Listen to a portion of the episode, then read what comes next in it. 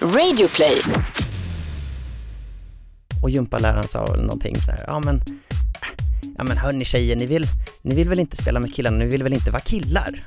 Och då hade jag mumlat lite grann för mig själv, fast hon som stod bredvid mig eh, hörde vad jag sa, så hade jag sagt, jo, ja, jag vill det.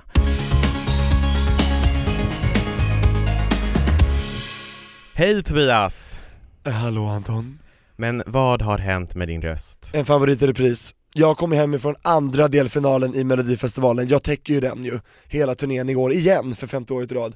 Ja men det är Göteborg. Jaha. Jag är ju mitt i melloturnén för femte året i rad, och man kan ju tycka att jag borde veta hur jag ska behandla min röst, men nej. Men det är ungefär som att när liksom mellocirkusen drar igång så går vettet ur ditt huvud. Ja, och Nej jag skojar bara. skriket går ut Ja. och eh, rösten försvinner. Jag, jag, jag letar efter min röst varje vecka. Se till Ja. om ni hittar den. Men då kan vi också, bara för den som inte vet eller inte har lyssnat när vi pratade om just det i podden så kan vi säga att Tobias, du har ju problem med din röst. Alltså jag har ju opererat den tidigare och jag borde ju veta bättre, och jag har ständig kontakt med min röstläkare Stellan. Så att eh, jag tar hand om mig själv, och min röstpedagog också. Eh, så att jag är under behandling. Och du ska bubbla med sugrör i glas i vatten Precis som varje lite dag. Linder gör. Man ska gå upp och ner, upp och, Och ner. du ska vara lika mycket tyst som du pratar. Nej, dubbelt! Dubbelt så mycket tyst som jag pratar. pratar. du två timmar ska du vara tyst fyra timmar. Och sömn räknas inte, så att eh, vi måste riva av det här snabbt höll jag på att säga. Men, Men det, hur ska du klara det här Tobias? Vad kan hända om du inte följer det här? då kan det bli en andra operation, och den kommer inte bli lika framgångsrik. För ju mer man opererar sina stämband desto sämre blir de liksom. Och rösten ändras. Ja. Det blir som Bonnie Tyler. Turn around. Ja, Men vad tyckte du då? Hur var mello? Var det bra? Ja men det var jättebra, det är jätteroliga artister med och eh, jag får ju vara med på allt, och jag glider ju under radarn, de ser ju inte mig som en med mediaperson utan Nej, jag är mer en polare. det. Så jag hänger ju på folks hotellrum utan att eh, någon vet om det och liksom, jag får senaste skopet. Nej men vad roligt. Men det är väl också för att du faktiskt är kompis med dem? Eller? jag är ju faktiskt det, jag har ju en relation till eh, många av artisterna sedan innan, Ja. så att eh, ja, jag kastar min eh, mediapress-badge och sen så går jag bara in som mig själv. Ja, och sen, men jag tror också det handlar om att du är ju, du säljer ju inte liksom ut ett scoop, eller vad man ska säga. Alltså för att vi har ju till exempel haft i podden här saker som vi har klippt bort som hade blivit liksom stora headlines, men vi har liksom valt av respekt för den personen som varit med, har vi valt att klippa bort det. När vi har frågat så här, vill du verkligen att vi har kvar det här att du var låg med den eller tillsammans Eller att med det här är den din eller... flickvän, så liksom, Mm. du vet, som har hänt tidigare. Vi hade kunnat få löpsedlar, men det är inte det vi drivs av. Nej, jag håller med. Det här är storytelling, vi har historien i fokus. Mm. Gud vad vi sätter oss själva på eh, pedestaler här. Kanske lät lite pretto, men whatever. Ja, jag vet inte. Man ska tycka om sig själv i alla fall. How, how, vad är det RuPaul säger? If you can't love yourself, how the hell you gonna love somebody else? Can I get an amen up in here? Amen. Ja, Anton Mm, hur har din vecka varit? Den har varit bra faktiskt. Eh, Det är mycket med liksom projekt och mycket med sådana saker. Jag jobbar fortfarande med det hemliga tv-projektet som vi inte får berätta om. Ehm, Men eh, det, det har varit jätteroligt och ja, all, livet flyter på. Det är som sagt, jag blir gladare och gladare varje vecka som går i och med att det blir ljusare ute. Och att du får hålla på med det du älskar, vad roligt för dig Anton. Nu tar du en sipp på ditt kaffe där också. Mm, det gör jag. Det är Mm. gott. Då blir man pigg vet du. Ja Tobias, vem har vi med idag? Vi har Charlie Peck som har åkt hit ända från Uppsala till Stockholm för att träffa oss idag. Och det är en eh, transkille, nyexad veterinär. Och eh, Charlie kanske är mest känd eh, för sin hit som han hade, eh, gjorde en cover som blev väldigt uppmärksammad för han gjorde det i, som en duett med sig själv innan han påbörjade hormonbehandlingen och sen efter när den var färdig. Så att det är två olika röstlägen, det är en otroligt häftig låt som blev uppmärksammad i Tyskland, i Ungern, så det ska vi prata om. Är du taggad? Jag är jättetaggad, men kan vi inte lyssna på ett litet klipp av den låten och direkt efter ta in Charlie i studion? Ja det gör vi.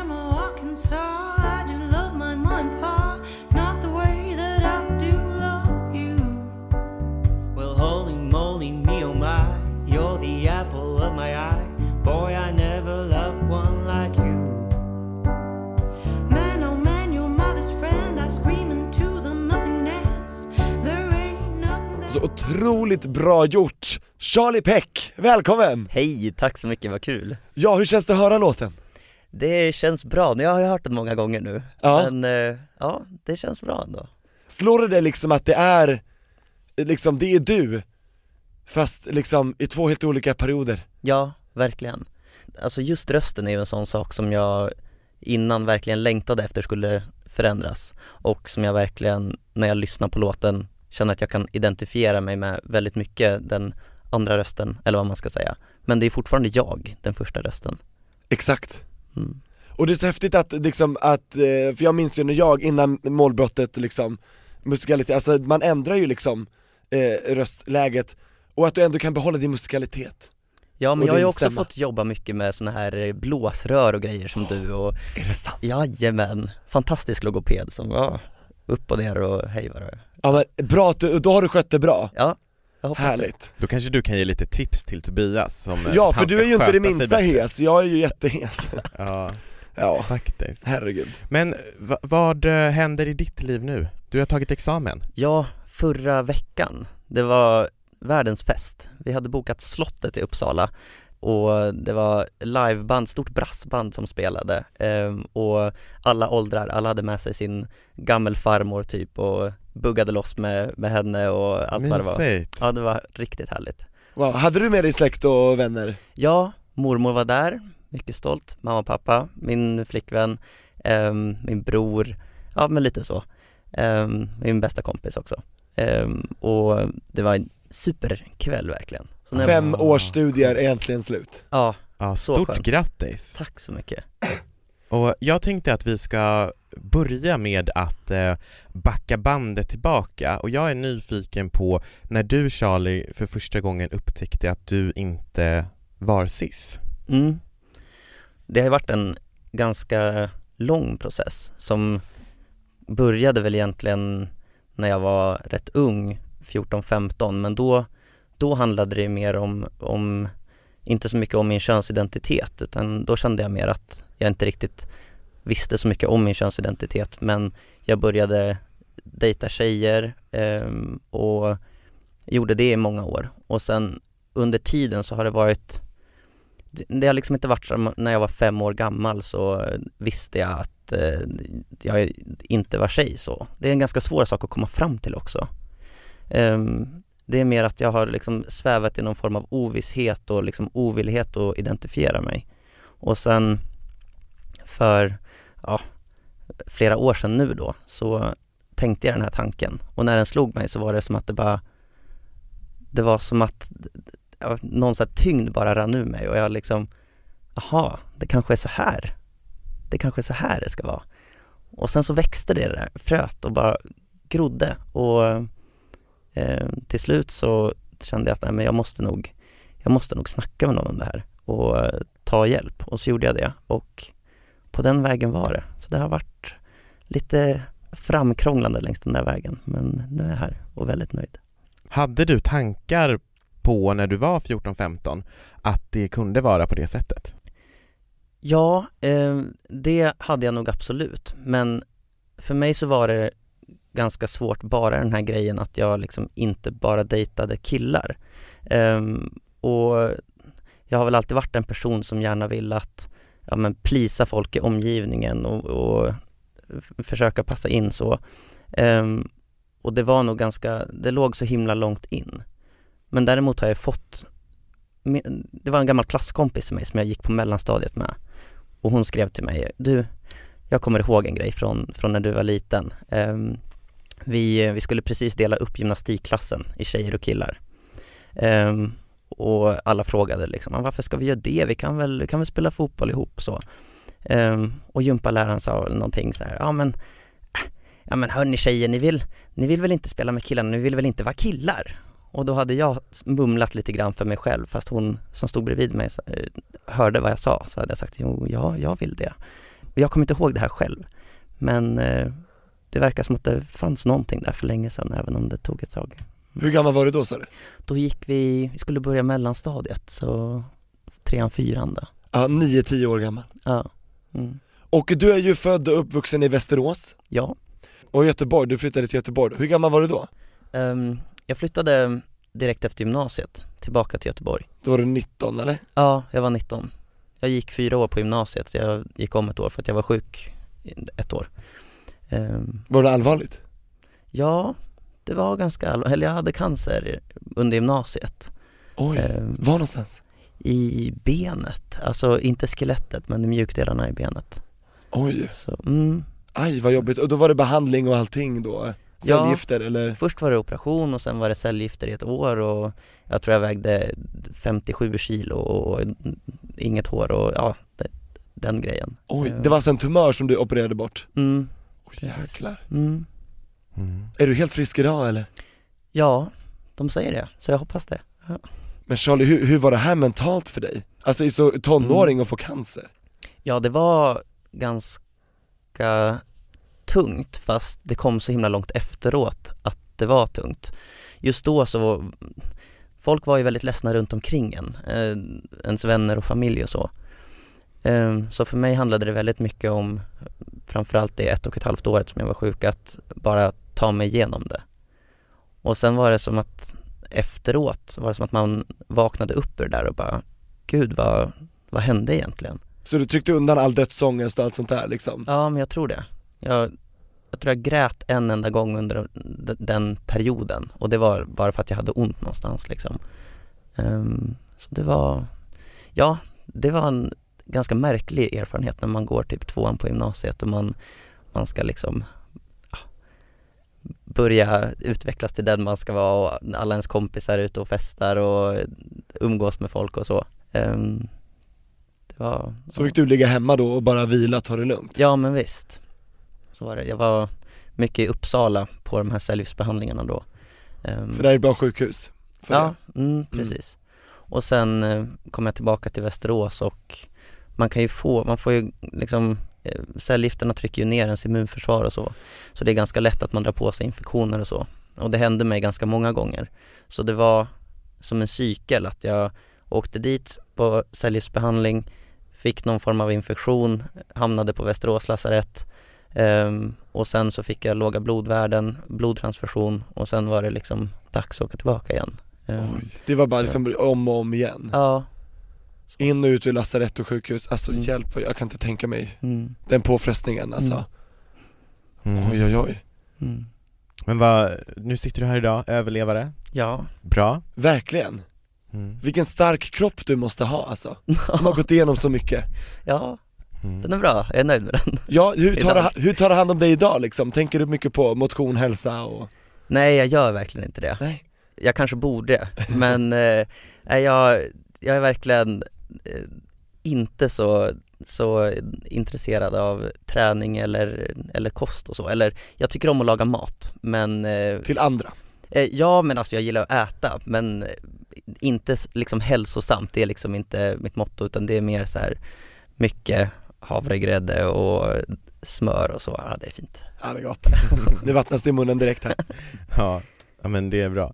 Ehm, jag tänkte att vi ska fortsätta prata om eh, den transformation som du har genomgått. Mm. Eh, och jag tänkte, jag är, jag är nyfiken på hur det var för dig när, när, eh, när du insåg att ja, men jag är kille.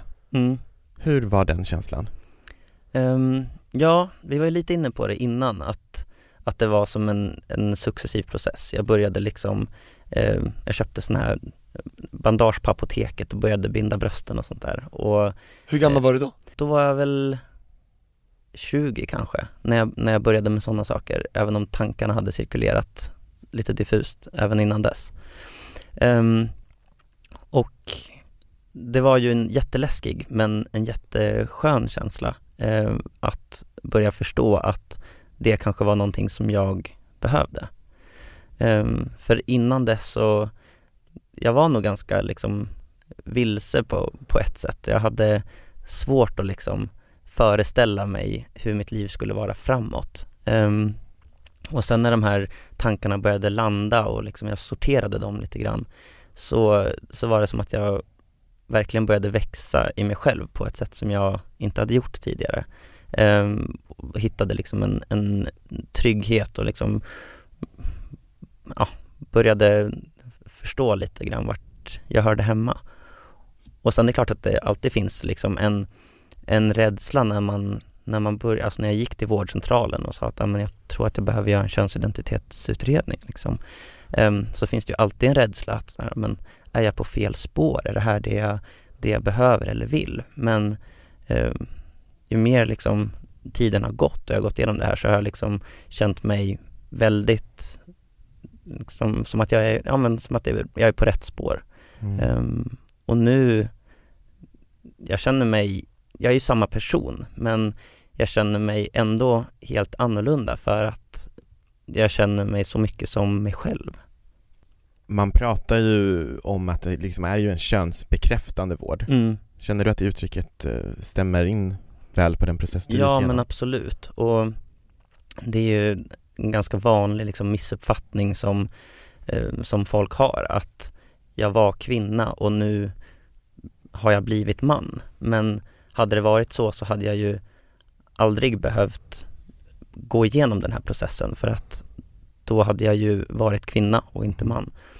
Det sa du att när du blev intervjuad av andra medier, Mm. Då har ju de ofta sensationaliserat det här. Ja, Så här, hon blev han. ja och det är otroligt så här felvisande och förminskande av det du har gått igenom liksom. Ja men precis. Hur Och- känns det att bli helt felciterad och fel omnämnd? Ja, jag, jag kan förstå att eh, media på ett sätt, de, de vill göra det liksom begripligt för den stora massan vad, vad det är jag har gått igenom och eh, så. Men för mig personligen så blir det ju fel. För det är inte alls så jag ser på eh, situationen eller mig själv och jag tror att det är många transpersoner som håller med om, om den liksom begreppsförvirringen eller vad man ska säga.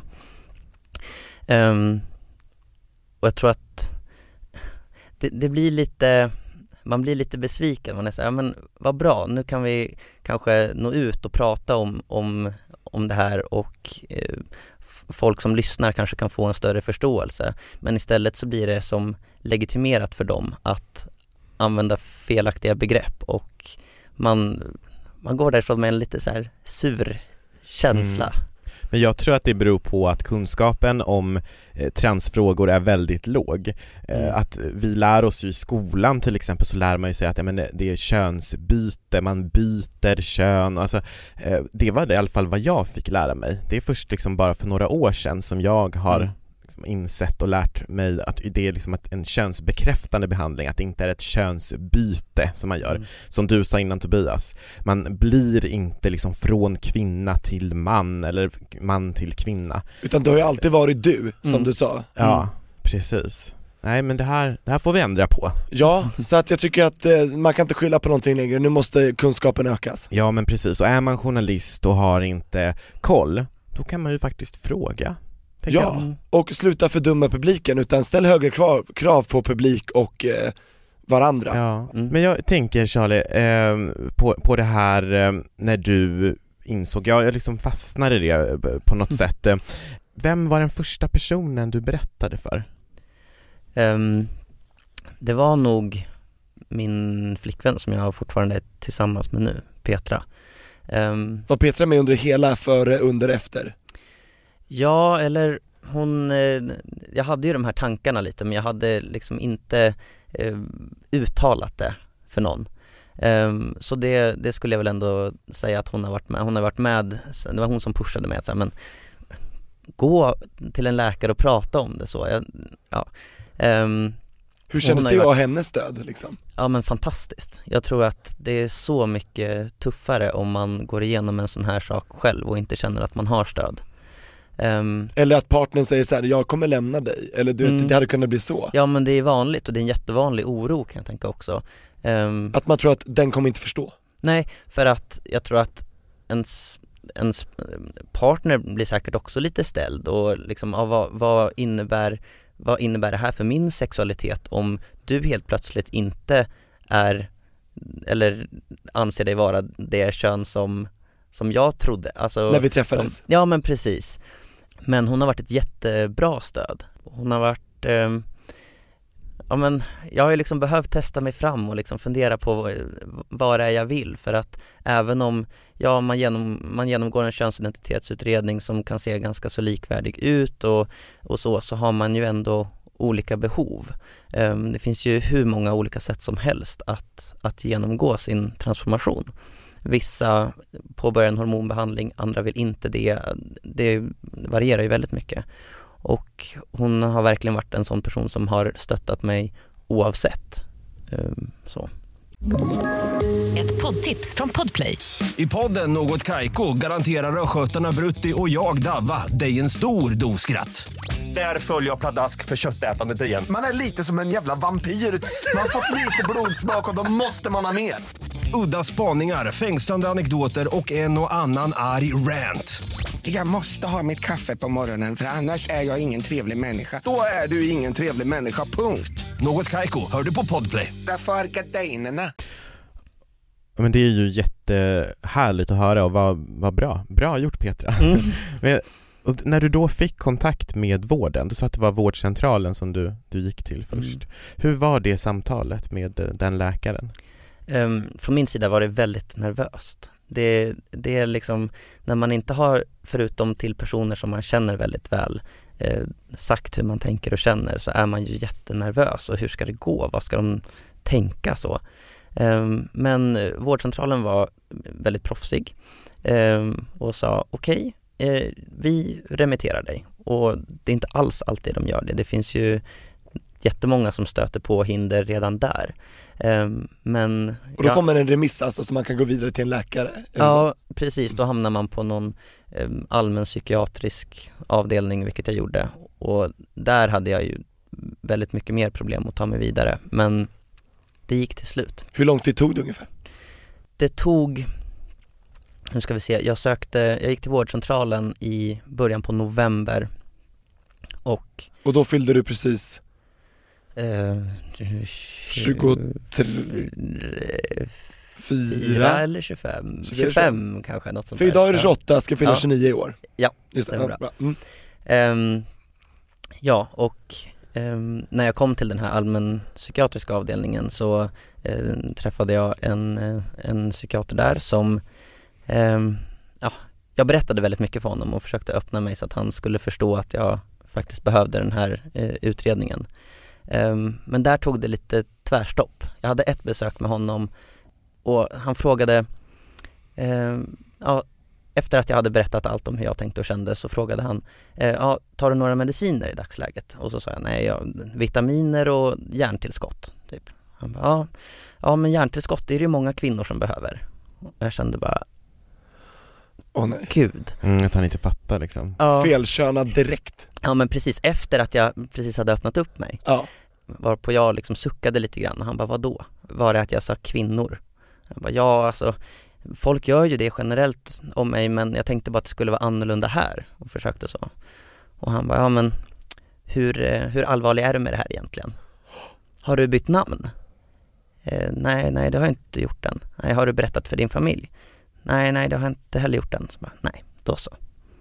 Mhm. Oj, Mm. vilken fientlig inställning. Mm, så gick jag därifrån, hade lite dålig känsla så här. Så gick det tre månader, hörde ingenting och så ringde jag och bara, ja men jag vet inte riktigt, det kanske är långa väntetider, jag bara undrar vad, vad händer liksom? Eh, och bara, ja, vem träffade du? Så sa jag vad han hette. Ja, nej han har ju slutat hos oss. Jaha, okej, ja det hade ju varit bra att veta. Så hade det liksom fallit mellan stolarna. Sen tog det tre månader till och sen så började utredningen i juni. Så, mm. Hoppas du kom till en bättre person som kunde ta emot dig, mer Mm. värdigt. Ja, Då var det ju liksom själva utredningsteamet som jag hamnade hos. Bra, Mm. rutinerat. Mm. Mm. Men om man tänker så här då, vad hade underlättat för dig här i den här processen från vårdcentral till utredning? Det som hade underlättat hade ju varit ifall han hade lite mer transkompetens. Ehm, han har ju en, de vet ju när, jag, när de får min remiss att det är därför jag söker och då kan det ju kanske vara vettigt att ha någon som, som har ja, men, lite respekt för varför jag söker. Ehm, som kanske inte felkönar mig det första han gör och som faktiskt lämnar över fallet när, när han slutar. Och det kan ju ha blivit någon, någon miss där, jag vet inte. Men eh, ja, det känns som att det är lite för vanligt att man, att man hamnar mellan stolarna och måste ringa och ringa och ringa för att få hjälp, Mm. tyvärr. Ja, det har jag upplevt att andra har sagt också Ja, Mm. många, jag har hört många som har berättat om liknande saker. Det här är ju och, alltså, dels eh, kopplat till de här, t- den här typen av utredningar men också eh, hbtq-personer, till exempel så här, två lesbiska kvinnor som ska eh, inseminera, alltså liksom att möta inkompetens och ibland eh, även eh, Det förakt. fördomar. Mm. Alltså där, ja, nej men där är en konkret grej som vi borde fixa, liksom en quick fix. Eh, HBTQ-kompetensen måste ge upp. Vi i måste certifiera hela vården, vård- Ja, liksom. hela vårdkedjan. Mm. Men okej, du fick din utredning. Mm. Hur var den? B- Både bra och dålig, eh, ska jag säga. Ehm, jag tror att de är ganska fästa vid väldigt stereotypa um, könsroller. Ehm, och de behöver väl på något sätt kunna, eftersom att systemet ser ut som det gör, mäta och liksom värdera om man passar in i mallen. Men den mallen baseras mycket på vad man kommer dit i för kläder, eh, vad man lekte med för leksaker som barn, eh, sådana saker som ju kan variera jättemycket oavsett liksom könsidentitet. Det finns ju liksom cis-män som leker med dockor och det är inte som att någon säger att de är en tjej för den sakens skull. Ehm, men när det gäller transpersoner så blir det väldigt mycket att man ska passa in i en könsstereotyp mall för att, för att de ska tro att man är på riktigt typ, känns det som. För jag minns att Saga Bäcker, när vi hade med henne i podden så berättade hon att eh, hon sminkade sig jättemycket, tog på sig klänning och så när hon gick till, eh, mötte utredarna eller vad man nu ska säga, mötte utredningsteamet för att hon ville bevisa att så här, hon är en kvinna, hon är en tjej och att hon, att hon kände att hon behövde bevisa och behövde hävda sig som kvinna. Kände du liksom att du behövde överdriva någon form av manlighet eller Mm. så? Ja, jag känner igen det där jättemycket. Jag tog ju på mig eh, skjortor och tvättade av om jag hade haft på mig någon nagellack och tog av alla smycken och så. Eh, just för den sakens skull, för att det inte ska dras ut på ännu längre. Och jag har ju sett det här utlåtandet också som de gjorde om mig när de liksom, när det var klart. Ehm, där de har skrivit som en av grejerna som var positivt, att jag kom dit i helt manliga kläder varje gång. Åh Eh. vad tröttsamt att höra. Men det här, jag blir Ja. inte bara trött, jag blir liksom arg och förbannad Mm. På det här. Det känns ju som att de som bör ha den bästa kompetensen, liksom spjutspetskompetensen och ska kunna lära andra, är inte det de som utreder i de här frågorna, som ska liksom gå i bräschen och kunna mest? Mm, man tycker ju verkligen det. Ja, Och där liksom har det fastnat, tiden har stått still, där är det fort bakåt och där heteronormer appliceras och det verkar ju jättekonstigt ja, att de befäster sådana här men vad stereotyper. fan min brorson som är ett och ett halvt år går runt i klänning och är liksom, är, är ju fortfarande liksom björn och är liksom kille Ja, han är så. inte mindre han- kille för det. Nej, vad va fan? Mm. Alltså det är ju bara liksom Jag tycker att liksom det ska vara rättvist, alla, allt ska gälla för alla, de borde kunna ha öppet för alla nyanser Mm. av manligt och kvinnligt. Ja, och alltså det de borde utvärdera, tänker jag mer, är att man, att man faktiskt vet vad man vill. Att man är liksom stabil i sin, sin åsikt och hur länge har du tänkt och känt så här och inte basera det på liksom stereotypa könsuttryck eller liksom Så identitetsuttryck. konkreta grejer liksom. Mm. Mm. Jag tror det handlar om samhällets behov utav att kategorisera. Det möter ju också liksom, homosexuella män får ju ofta frågan så här, vem är mannen, vem är kvinnan? Liksom, Mm. för att herregud. ofta så behöver, känns det som att vi har ett inneboende behov av att kategorisera och när det är någonting som går utanför normen och blir så här oj, nej men det här är ju inte eh, som jag har tänkt mig, som jag ser på världen, då vill man på något sätt försöka få det och mappa in det i sin egen världsbild. Som om till exempel någon då ska genomgå en, en könsbekräftande eh, behandling eller vård, eh, att man då har en bild att ja men då ska den bli en man på riktigt, ja, då ska den bli en kvinna på riktigt, att man har den här färdiga målbilden på något sätt. Så tröttsamt. Ja, vi får komma ihåg att det är, liksom, det är ju vanliga människor som jobbar inom vården, precis som alla andra, och alla är inte kompetenta och många kanske kommer från den äldre skolan, jag vet inte. Ja, men vet. det ska ju inte ursäktas, Nej, kraven inte får ju ursäkta. höjas då. Precis, Det är det är inte precis. konstigare än så. Och de får inte skylla heller på att de har ont om tid, så därför måste de kategorisera, utan de är ju där för att de har ett jobb att sköta. Ja. Vi kanske borde, vi kanske borde bjuda in någon eh, expert på det här ämnet som, har liksom, alltså som, som jobbar med de här frågorna. Det vore kul att ha någon från vårdsidan Ja, faktiskt, som verkligen. utreder och, och liksom ställa den lite mot väggen. Inte Mm. för att låta för hotfull men alltså, mm. Ja, verkligen. ja. Kanske sjukvårdsministern Annika Strandhäll. ja just det. Eh, men tillbaks till dig Charlie, eh, sidospår återgår som du brukar säga Tobias. Precis. Eh, hur, alltså, för du- du, sitter ju här idag eh, och du har, har eh, liksom genomgått den här resan och du beskriver dig själv som att du känner dig liksom som dig själv nu. Mm. Eh, Hur har det liksom påverkat ditt liv att få vara dig själv nu? Mm. Ehm, jag känner mig, eh, jag har alltid varit utåtriktad så och en social person men jag känner mig mycket tryggare i sådana i såna sammanhang. Ehm, och mer som att, innan så har det känts som att man bara genom, eller som jag upplevde det, som går runt och ser ut som jag gjorde, att det var som en, som att man ljög liksom, eller som att eh, och som, även om jag, om jag sa att så här, ja, men jag, jag tror inte att jag är tjej eller ja, jag är nog kille faktiskt. Ehm, så var det som att folk, de hade nog liksom svårt att koppla ihop det även om de, om de försökte. Och jag tror att jag hade ett behov tidigare, inte bara på utredningen utan även i mitt vardagliga liv att kanske klä mig mer som jag tyckte maskulint och så för att eh, liksom visa folk att jag menade allvar på något sätt. Och nu känner jag mig så mycket friare i mitt uttryck eh, som, ja men, jag kan ta på mig nagellack och smycken och bara liksom eh, vara så som jag känner mig för dagen för att eh, jag vet att jag ändå liksom, eh, jag representerar mig själv på ett annat sätt. Eh, det är en väldigt skön känsla. Och sen också det stöd som jag har mött när jag kom ut har varit så himla stort. Ehm, även från min familjs håll och så. Ehm, vilket var en oro som verkligen tärde på mig innan, innan jag hade kommit ut för dem. Hur de skulle ta det och hur vår relation skulle vara. Och de har varit så genomstöttande, vilket är jättetur för mig. Det är inte alla som har det så, men, men jag hade det. Ehm, och bara liksom veta att de backar mig och ha det stödet är ju också jättestärkande. Och hur sa du det till dem? Eh, det var också lite successivt. Jag började lite försiktigt så här, ja men vad skulle ni tycka om jag bytte mellannamn eh, så kanske till Charlie, skulle det vara okej? Ehm, och de sa väl, ja vi tycker att du har fina namn, det är ju vi som har givit dig dem men ehm, ja, om det är det du vill så gör det så. Ehm, Ehm, och sen till slut så var det en mer mamma som frågade. Ehm, vi stod och borstade tänderna, hon hade sovit över eller skulle sova över hos mig. Så sa hon, ja och hur har du det annars då med din könsidentitet och så?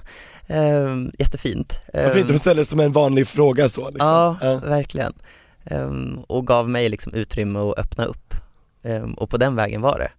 Och då kom hela snacket efter det? Ja, och liksom lite successivt så. Och så de har ju frågat lite och ehm, jag har försökt svara så bra jag kan och nu, ja, nu är det som att vår relation har växt så mycket för att ehm, jag känner mig så trygg med dem och vet att de har min rygg liksom. Mm. Så nu säger de det här är vår son Charlie, liksom, nu är Ja. de med, ja jättebra. Absolut. Och den här videon, låten, den, den är de ju jättestolta över och visar för folk och liksom eh, så. Och det hade de ju inte gjort om de inte var på min sida så, så det känns jättebra. Och den låten måste vi bara bryta ner lite grann här nu och gå in på. Hur kom du fram till att du skulle göra en så, ett sånt här projekt? För det är ju väldigt speciellt. Ja, För det går ju inte att göra om om någonting skulle bli fel så här. Du kan ju inte gå tillbaks i behandlingen liksom av hormoner. nej. Så hur, hur gick inspelningen till? Ja, det- var ju, det blir ju lite en eh, chansning vad det skulle bli av det där projektet men det började med en tanke att jag på något sätt ville göra en jämförelse Eh, för mig själv och som jag var inne på tidigare så är rösten någonting som har varit viktigt för mig. Och så började jag prata med min vän eh, André Åhl Persson som är en jätteduktig musiker eh, och spåna lite grann, så, ja, skulle vi inte kunna göra något sånt här projekt så? Eh, och sen så ville jag välja en låt som, som inte var någon random låt utan någon som liksom kunde tala till folk och Eh, också förmedla den känslan som, som jag upplevde eh, i och med den här processen. Ehm, och därför valde jag den här Home eftersom att det känns så mycket som att komma hem. Ehm, och sen, han har en liten studio hemma i, i, i sitt hem, i sin lägenhet.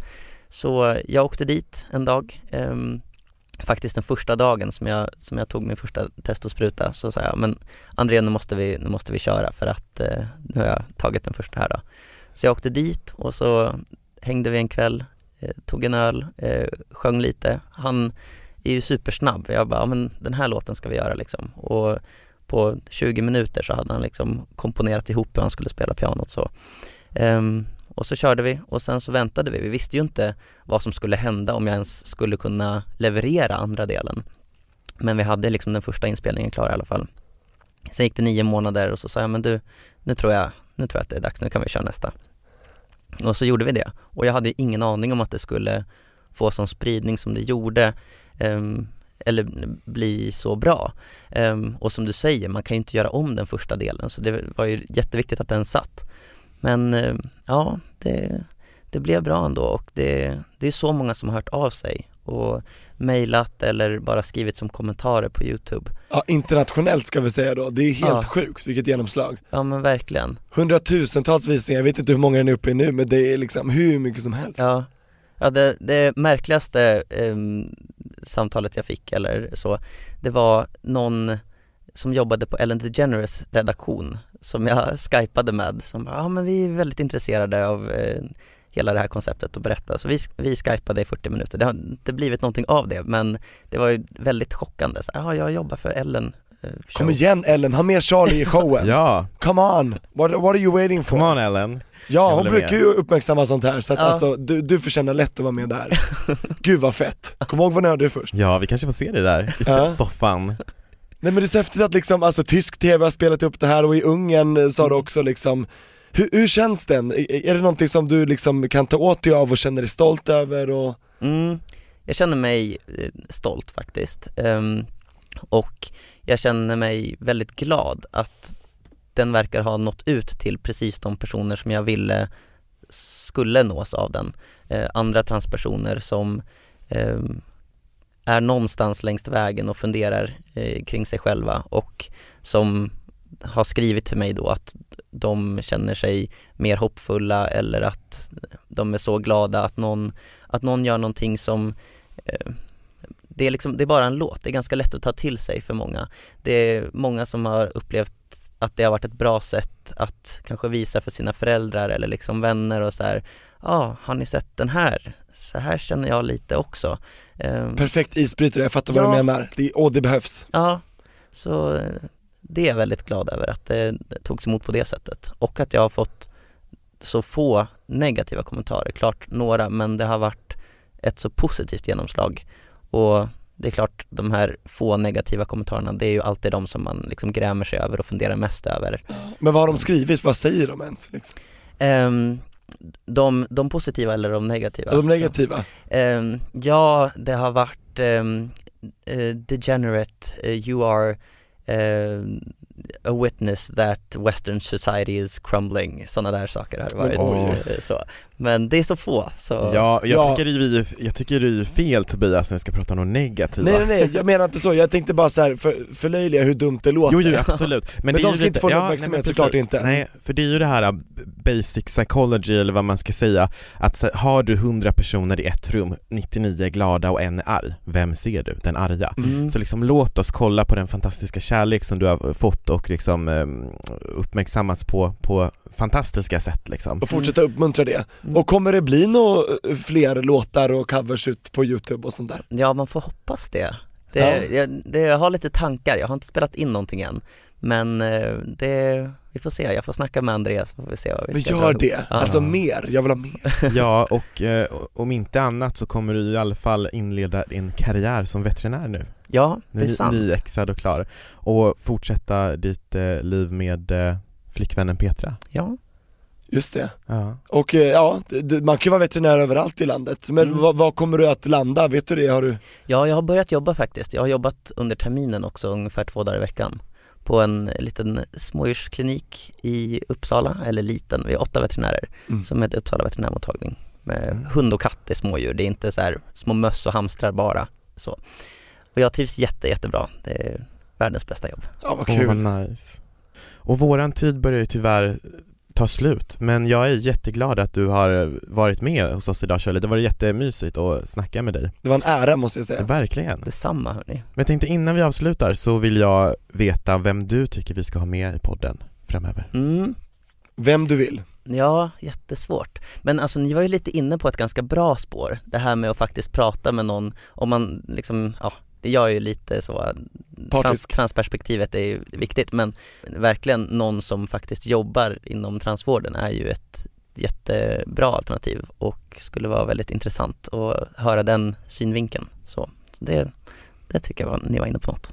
Ja men det kör vi på. Ja, jag tycker det är ett jättebra förslag. Jag håller med. Det vill jag gå vidare med.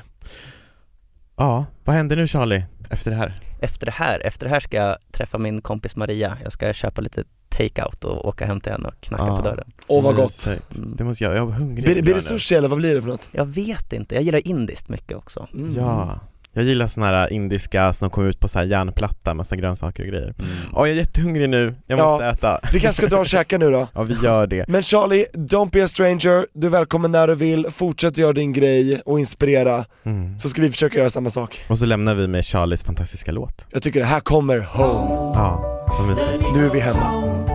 Tack igen. Skulle du säga tack och förlåt? Tack och förlåt höll jag på att säga. Nej. Nej, tack och tack. Tack Jättetack. bock. Bockar man förresten? Nej, Eller nu det är, otro, det är otroligt gammalmodigt. Ja. Hej då. Man får niga och bocka om man vill, oavsett kön eller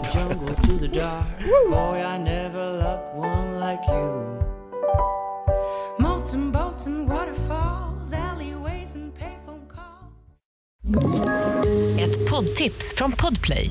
I fallen jag aldrig glömmer djupdyker Hasse Aro i arbetet bakom några av Sveriges mest uppseendeväckande brottsutredningar. Går vi in med hemlig telefonavlyssning och, och då upplever vi att vi får en total förändring av hans beteende. Vad är det som händer nu? Vem är det som läcker? Och så säger han att jag är kriminell, jag har varit kriminell i hela mitt liv men att mörda ett barn, där går min gräns.